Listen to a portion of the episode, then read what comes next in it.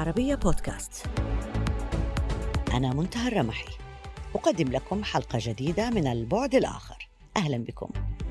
سيحدثنا الرئيس جوكو ويدودو عن أسلوبه في حكم أكبر الدول الإسلامية سكانا وواحدة من أكثر البلدان التي تطرح تحديات صعبة في إدارتها.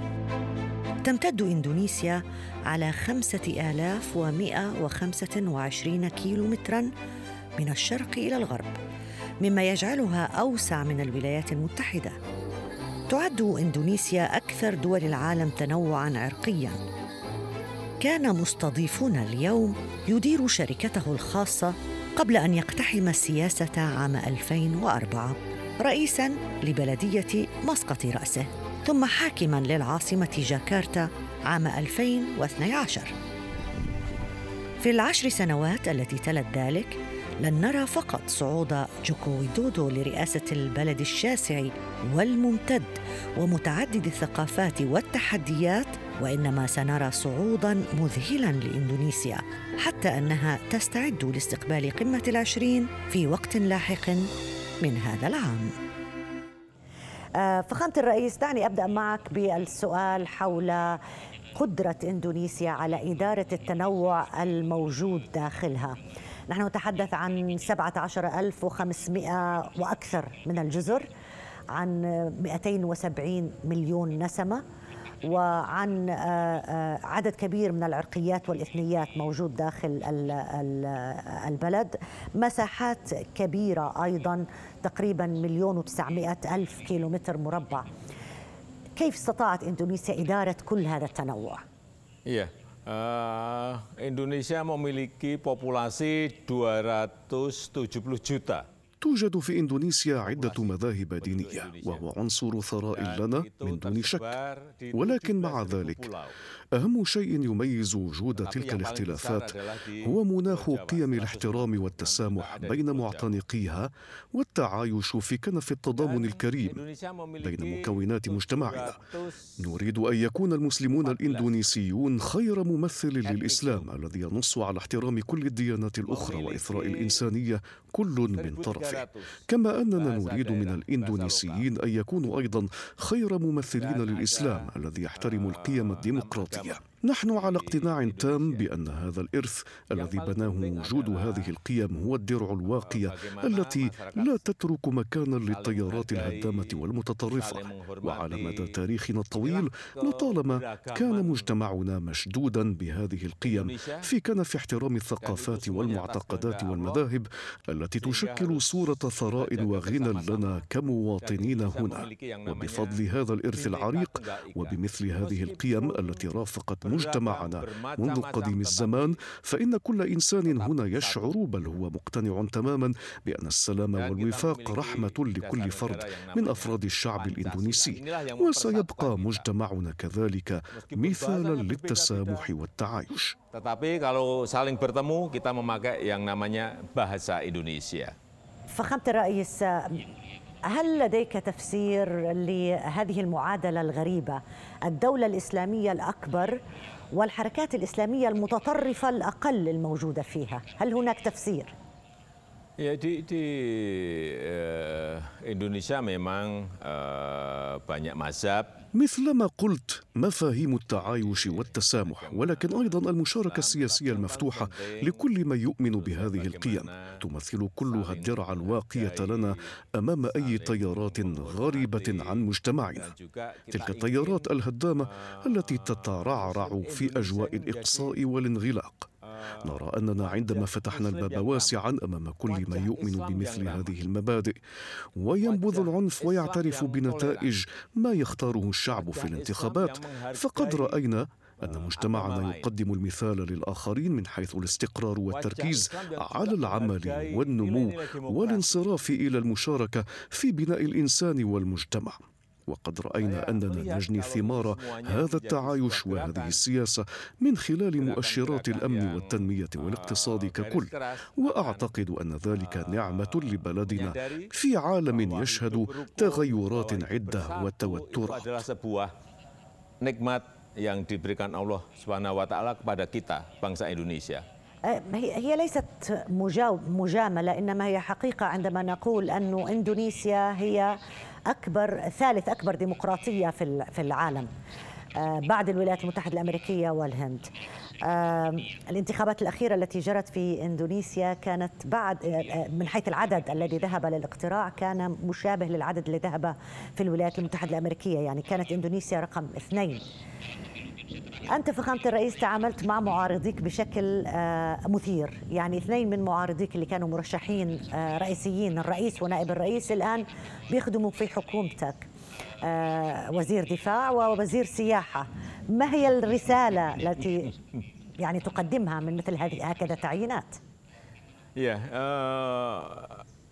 الديمقراطية الإندونيسية تختلف عما هو معمول به في الدول الأخرى فاختيار محافظي المناطق يتم لدينا مباشرة من قبل الشعب وكذلك الأمر بالنسبة إلى رؤساء الأقاليم الريفية. الذين يتم تعيينهم من قبل الشعب مباشرة. وأسلوب الاختيار المباشر من قبل المواطنين في عملية اقتراع يشارك فيها ما لا يقل عن 189 مليون إندونيسي من مختلف مناطق البلاد. عادة ما تشهد المواعيد الانتخابية سخونة لكن بمجرد انتهائها وبعد الاقتراع يستعيد الشعب صفه الواحد ويحترم بعضه البعض ويلتزم بالنتائج ويعمل الخاسر إلى جانب الفائز. فنظام الحكم في إندونيسيا مبني على التشاور والتعاون المتبادل ورص الصفوف وراء هدف واحد هو التقدم بالبلد والوطن. فالمنافسة في الانتخابات تنتهي عند انتهاء عملية الاقتراع والمنافسة التي عرفتها الانتخابات في المرات الماضية أي انتخابات عام 2014 وكذلك 2019 بمشاركة معارضين لي انتهت بفوزي ولكن أيضا بانضمامهم إلى الحكومة وتكليفهم بمسؤوليات مهمة تم برغبة جامحة لإصلاح الوطن. وقد رأينا نتائج هذه السياسة تثمر على مختلف الأصعدة الصعيدة التنموية والاقتصادية وأيضا السلم الاجتماعي.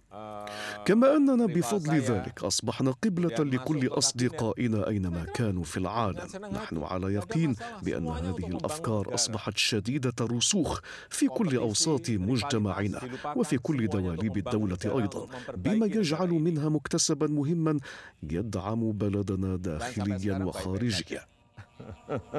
آه، يعني المصلحة العامة للبلد تجعلك تقوم بهذا ولكن ليست رسالة عكسية للمعارضة. Iya, yang paling penting memang kompetisi itu perlu. نعم من دون شك المنافسة مهمة لكن الأهم أنه بعد نهاية الانتخابات يرجع الكل إلى الصف نفسه ونتقدم جميعا في كتلة واحدة بهدف واحد هو دعم الوطن يعني هذا ليس بعيدا يشبه كثيرا الحقيقة طبيعة الشعب الإندونيسي الذي تعرفنا عليه من من السلام والهدوء والتعامل بإيجابية مع الحياة. في الموضوع الإندونيسي الحقيقة بتنوعه الداخلي وموقعه الجغرافي مثير. كيف تتعامل إندونيسيا مع الوضع الجيوستراتيجي خاصة إنها في منتصف منطقة الصراع ما بين الصين والولايات المتحدة الأمريكية؟ يا آه نرى أن مبدأنا الأساسي هو الانفتاح على التعاون مع جميع الدول من هذا المنطلق. الولايات المتحدة هي دولة صديقة لنا وكذلك الأمر نفسه بالنسبة إلى الصين. وفي حال كانت هناك منافسة بين الدول أو الحكومات فإننا نرى أن ذلك يتم في إطار مبدأ واحد هو صداقتنا للجميع. وهذا مهم لنا من أجل السلام العالمي وتحقيق النماء والرفاه لكل شعوب العالم. وقد وضعنا ذلك في صميم ما ينص عليه الدستور الاندونيسي. نشعر بعمق علاقتنا مع الجميع شرقا وغربا. وبأن سياسة الانفتاح على الجميع مثمرة لنا وللآخرين.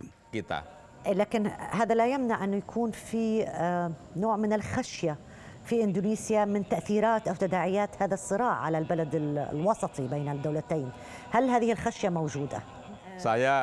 تجمعني علاقة وطيدة بالرئيس جيم بينغ وكذلك بالرئيس بايدن وهي نفس العلاقة التي تجمعني بجميع رؤساء الدول وفقا لما يشدد عليه دستورنا. وقد عاينا عن قرب أهمية ذلك وحكمة سياستنا بمد أيادينا للدولتين الكبيرتين في كنف الحفاظ على مصالحنا وأيضا في كنف الاحترام المتبادل بين الجميع. منذ أن يعني اعتليت سدة الحكم في إندونيسيا فخامة الرئيس وكان في إصلاحات على مستويات متعددة. أود أن أذكر هنا الإصلاحات على المستوى الاقتصادي. آه، بحسب تقارير دولية آه، آه، تحسن مستوى المعيشة في إندونيسيا وربما يقول البعض أنه جاءت جائحة كورونا لتوقف أي تقدم في موضوع الإصلاحات هذه. آه، أين كانت العقبة وكيف يمكن تجاوزها الآن؟ هل أنتم مستمرون في العملية الإصلاحية؟ Ya, memang apa uh, فيروس uh, نعم علينا أن نعترف بأن وجود وباء كورونا عرقل الكثير من مشاريعنا التنموية التي أطلقتها الحكومة الإندونيسية والتي نأمل أن تؤتي أكلها بسرعة بمجرد رفع كل القيود التي فرضها الوباء وعودة الحياة إلى طبيعتها في بلدنا. ونحن واثقون جدا من ذلك. وفي الفترة الأولى اهتممنا بإطلاق مشاريع مشاريع البنية الأساسية سواء بتعزيز المشاريع الموجودة أو إطلاق المشاريع الجديدة على أن نركز في المرحلة الثانية على تنمية وبناء الموارد البشرية وتوفير السياسات التي تسهل تنفيذ الأهداف المرسومة. ورغم الوباء واستمراره فإن سياسة خلق فرص العمل والوظائف استمرت بنسق كبير لجميع عموم الشعب الإندونيسي كما استقرت مشاريع الإصلاح الاقتصادي التي تستهدف النهوض بالمواطن الإندونيسي. وفي الربع الثالث من السنة الماضية بلغت نسبة النمو 3.7% ثم ارتفعت إلى 5% بل أكثر. نأمل أن الربع الأول من هذه السنة قد سجل نسبة نمو اقتصادي لا تقل عن أربع نقاط ونصف نقطة مئوية. كل ذلك جرى تسجيله في ظل وجود جائحة كورونا. قد تكون هذه نظرة متفائلة جدا خاصة إذا ما آه، تابعنا التغيرات التي تحدث على مستوى العالم وتأثيراتها التغيرات التي تحدث إذا أخذنا بعين الاعتبار فقط الحرب الروسية الأوكرانية آه، انعكاساتها كانت على مستوى العالم من الناحية الاقتصادية وتأثر الوضع الاقتصادي في العالم. هل تختلف إندونيسيا عن العالم يعني ممكن أن تتطور اقتصاديا وتتقدم ويتحسن مستويات الفقر برغم هذه الأزمة؟ Ya memang kita apa uh, من دون شك التوترات والحروب لا سيما أنها تتزامن مع المناسبات الدينية لا تزيدنا إلا انشغالا وقلقا وهي أمور لا تؤثر فقط على شعب واحد أو على شعبين تكون دولتاهما طرفين فيها وإنما تصل آثارها إلى كل أنحاء العالم مثل ما نعاينه الآن. الحروب دائما أمر مؤسف نتمنى ألا يحدث بالمرة مهما كانت الأسباب.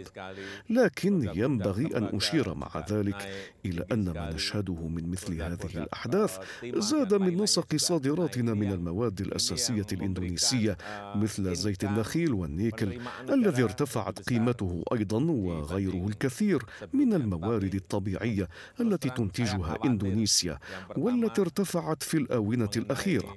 ما كان له الأثر الإيجابي على مؤشراتنا الاقتصادية.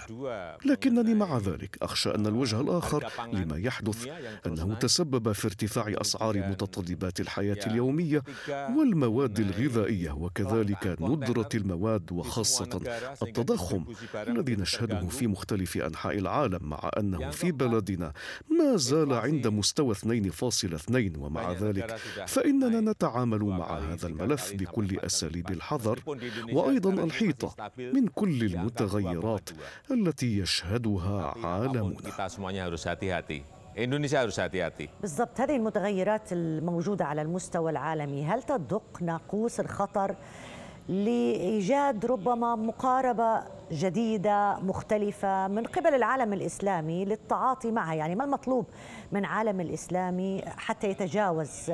صحيح أنا عارف إنه لا نستطيع أن نتحدث عنه كوحده كاملة ولكن على الأقل في على مستويات التعاون، ما المطلوب حتى نتجاوز هذه الأزمات؟ يا Uh, hubungan antar negara-negara يجب تعزيز التعاون بين الدول المسلمة على مختلف الأصعدة لا سيما في مجالات الاستثمار والتبادل التجاري والاقتصادي وتبادل الزيارات. أرى أن التعامل مع الوضع الحالي يتطلب تعزيز التعاون والتآزر بين الدول المسلمة لا سيما مع المتغيرات التي نشهدها يوميا في النظام العالمي والمشهد الجيوسياسي ما يفرض على الدول المسلمة العمل على دعم علاقاتها وتعزيز التواصل فيما بينها بما يعود بالنفع عليها جميعا ويساعدها على مجابهة تداعيات هذه المتغيرات. أعتقد أن كل الدول المسلمة بحاجة لبعضها البعض. نظرا لتشابه ظروفها وتوفرها هي أيضا. على حلول يمكن أن تكون البديل الملائم أو الحل الأفضل لمشاكل دولة مسلمة أخرى. وفي هذا استفادة للجميع. إن من مبعث سعاده علاقة إندونيسيا الوثيقة مع كل الدول المسلمة. تجمعني علاقة طيبة جدا مع ولي العهد السعودي محمد بن سلمان وأيضا مع قادة آخرين منهم أيضا ولي العهد الإماراتي محمد بن زايد. ولدي اتصالات دائمة معهما. أعتقد أن هذه العلاقة هي أساس لتعزيز التعاون فيما بيننا. كما أننا نعمل على توسيع العلاقة مع الدول الأخرى وتعزيزها بما يعود بالنفع علينا جميعا ومواجهة التحديات التي تواجهنا. هناك أزمات لا تعاني منها دولة واحدة أو دولتين يعاني منها العالم كالأزمة الآن ما بين روسيا وأوكرانيا هل هناك وجهة نظر خاصة لإندونيسيا في هذه الأزمة؟ أرى أنه ليس أفضل في كل الأحوال من علاقات الصداقة بين الجميع فهي أفضل من التوترات والحروب التي تخلف المعاناة للشعوب فالحروب هي مهدم رفاهية الناس أينما كانوا وفي أي مكان من العالم لا يمكن للحرب إلا أن تتسبب بالخسائر حيث إنه لا فائدة منها. لقد رأينا ذلك على مدى دورات التاريخ وفي الكثير من المناطق عبر العالم وعاينا آثار ذلك السلبية على البشرية. وهي آثار قد تستمر لعقود طويلة. ولذلك فإنني أرى أنه ما من سبيل لجميع الأطراف قصد التوصل لحل سوى النقاش والتفاوض وعدم رفع السلاح وإيقاف الحرب من جميع الأطراف. لأننا كما نعلم للحرب آثار سلبية ليس فقط على مستوى أطرافها وإنما العالم أجمع. للعالم أجمع صحيح. أه وطالما نحن نتحدث عن آه، أزمات العالم أو عن تعاون العالم سواء على مستوى الدول الإسلامية أو حتى على مستوى الجوار آه، منذ أن آه، وصلنا إلى المطار تابعنا كل الإعلانات على جي 20 ما هي تحديات أمام هذا المؤتمر القادم؟ ما هي التحضيرات التي قامت بها إندونيسيا؟ ما المطلوب من الجي 20 القادم؟ نستعد لاستضافة اجتماع قمة مجموعة العشرين وهو حدث مهم للعالم خاصة لبلدنا ونعول عليه كثيرا وشرعنا في الإعداد له منذ مدة طويلة لإنجاحه حيث أنه يعني لنا الكثير. ولذلك أعددنا لهذه المناسبة ثلاثة برامج كبرى نأمل التركيز عليها مع قادة الدول. أولها يتعلق بالمجال الصحي، حيث يتعين علينا التفكير في كيفية إصلاح البنية الصحية العالمية وإعادة تأهيلها وتحسينها في المستقبل، بعد أن أثبتت جائحة كورونا الحاجة لتعاون دولي متكامل وشامل لمجابهة الأوبئة التي لا مجال لدولة ما أن تواجهها منفردة. أما البرنامج الثاني فيتعلق بالاقتصاد الأخضر بتعزيز برامج الطاقة الخضراء والبرنامج الثالث يتعلق بتعزيز الاقتصاد الرقمي والتحول الرقمي عامة. ينبغي تنفيذ تلك البرامج والأهداف بالتعاون بين كل الأطراف وألا نقف عند مستوى التفاوض والنقاش لا نريد مجرد حوار من أجل الحوار فقط لأن الأهم هو العمل والتنفيذ وتطبيق الحلول التي نقررها لجميع المشاكل التي نواجهها. lebih banyak mengeksekusi dari setiap masalah-masalah yang ada. نعم ومتابعة التنفيذ أيضا فخامة الرئيس. دعنا نعود قليلا إلى الوضع الإندونيسي الداخلي. آه الآن لا, لا يختلف اثنان على أنه ديمقراطيه الديمقراطية في إندونيسيا تتقدم بشكل كبير آه هل أنتم راضون عن آه الوضع الديمقراطي في إندونيسيا حتى الآن هل هو يعني وصل للحد الذي يمكن أن يكون حد نهائي في الديمقراطية أم أن هناك أبواب جديدة قد تفتح لكم؟ يا ini أعتقد أن الديمقراطية في إندونيسيا عملية مستمرة وهي عمل دؤوب هدفه الوصول إلى الهدف المبتغى لأن الديمقراطية الصحيحة هي قيادة الشعب إلى الرفاه ولا معنى لها من دون ذلك. فجوهرها هو أن تحسن أوضاع الشعب وليس الثرثرة والشعارات. فالهدف الأساسي هو توفير الرفاهية. لا معنى لأي نظام حكم إذا لم يجلب لعموم الناس ثمارا تحسن أوضاعهم ولا تبقيهم أسرى للضوضاء الكلامية. آه المؤسسة العسكرية أو الجيش تحديدا في إندونيسيا هل ما زال له أي دور حتى حتى لو كان في ال في ال غير معلن عنه في الحياة السياسية الإندونيسية ولا تم يعني حسم هذا الموضوع؟ آه حاليا تقوم الحياة السياسية في إندونيسيا على الأحزاب التي تلعب دورا أساسيا في إدارة الشأن العام حيث إن رؤساء المناطق المنتخبين هم أعضاء في الأحزاب السياسية.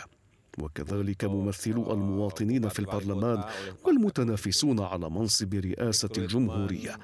وكل من يتحمل مسؤولية سياسية. كلهم يأتون من الأحزاب السياسية.